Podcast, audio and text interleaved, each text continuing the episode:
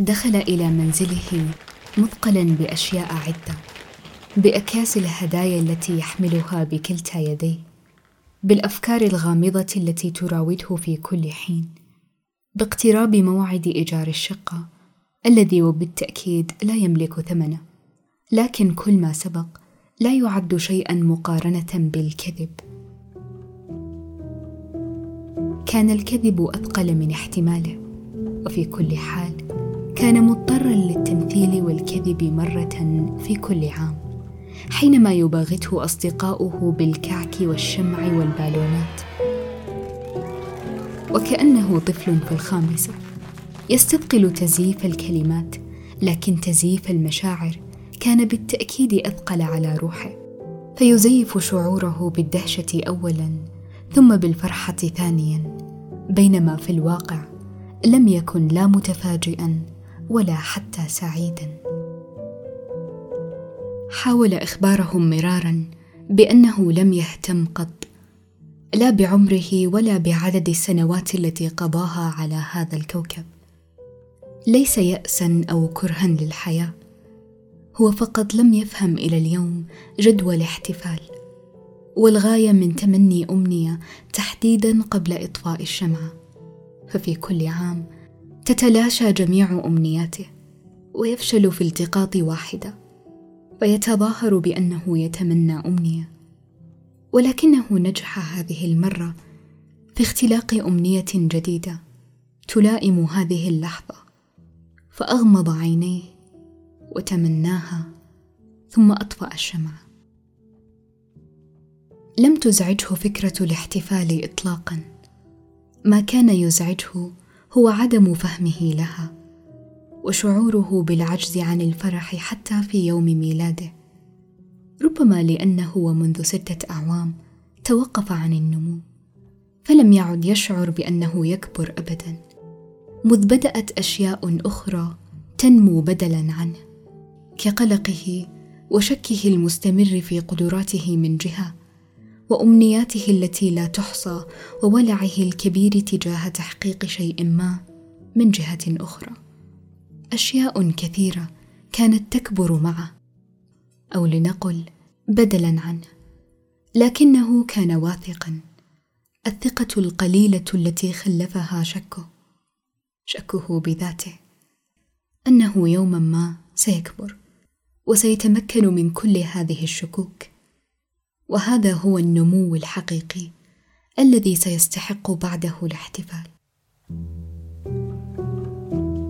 وفي حال كنتم تتساءلون عن الأمنية التي تمناها هذه الليلة قبل أن يطفئ الشمعه فقد كانت ألا تطفئ الأيام شمعة شغفه قبل أن يتمكن من إطفاء شمعة عامه القادم. أما عن أمنياته المعتادة فقد كان موعدها قبل النوم بعد تحديقة السقف المعهودة. يغمض عينيه ويسرح في أمنياته. ثم وقبل أن يطفئ ضوء الغرفة يردد ثلاثا سأبقى تجاذبني الأمنيات إلى الأفق السرمدي البعيد وأحلم أحلم لا أستفيق إلا لأحلم حلما جديد.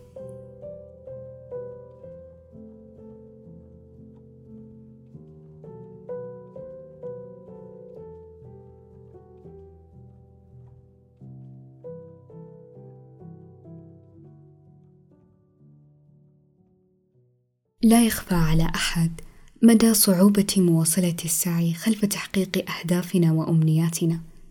لفترة طويلة كنت أعتقد أن كل ما يحتاجه المرء في رحلته هو نفس شغوفة صبورة محبة لما تقوم به. من امتلك هذه النفس لم يعترض طريقه شيء إلا وتمكن منه. لكن أثبتت لي الأيام أن حتى الشغوفين لهم مشاكلهم الخاصة. فبعضهم لشدة إدمانه شعور الإنجاز لا يقبل من نفسه أدنى خطأ أو إخفاق مهما كان بسيطا. وبعضهم يضع لنفسه معايير مرهقة ولا يرضى بأقل منها فيظل يسعى ويحاول أن يكسب رضا نفسه عن نفسه لكن محال فمهما فعل هو في عين نفسه لم يفعل شيئا. وهذا ليس تواضعا بقدر ما هو إحباط للنفس وفشل في رؤيتها بوضوح وعدم يقين من إمكانياتها.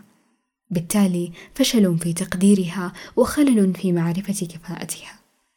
وبهذه الطريقة يخسر باستمرار فرصته في تجربة أشياء جديدة.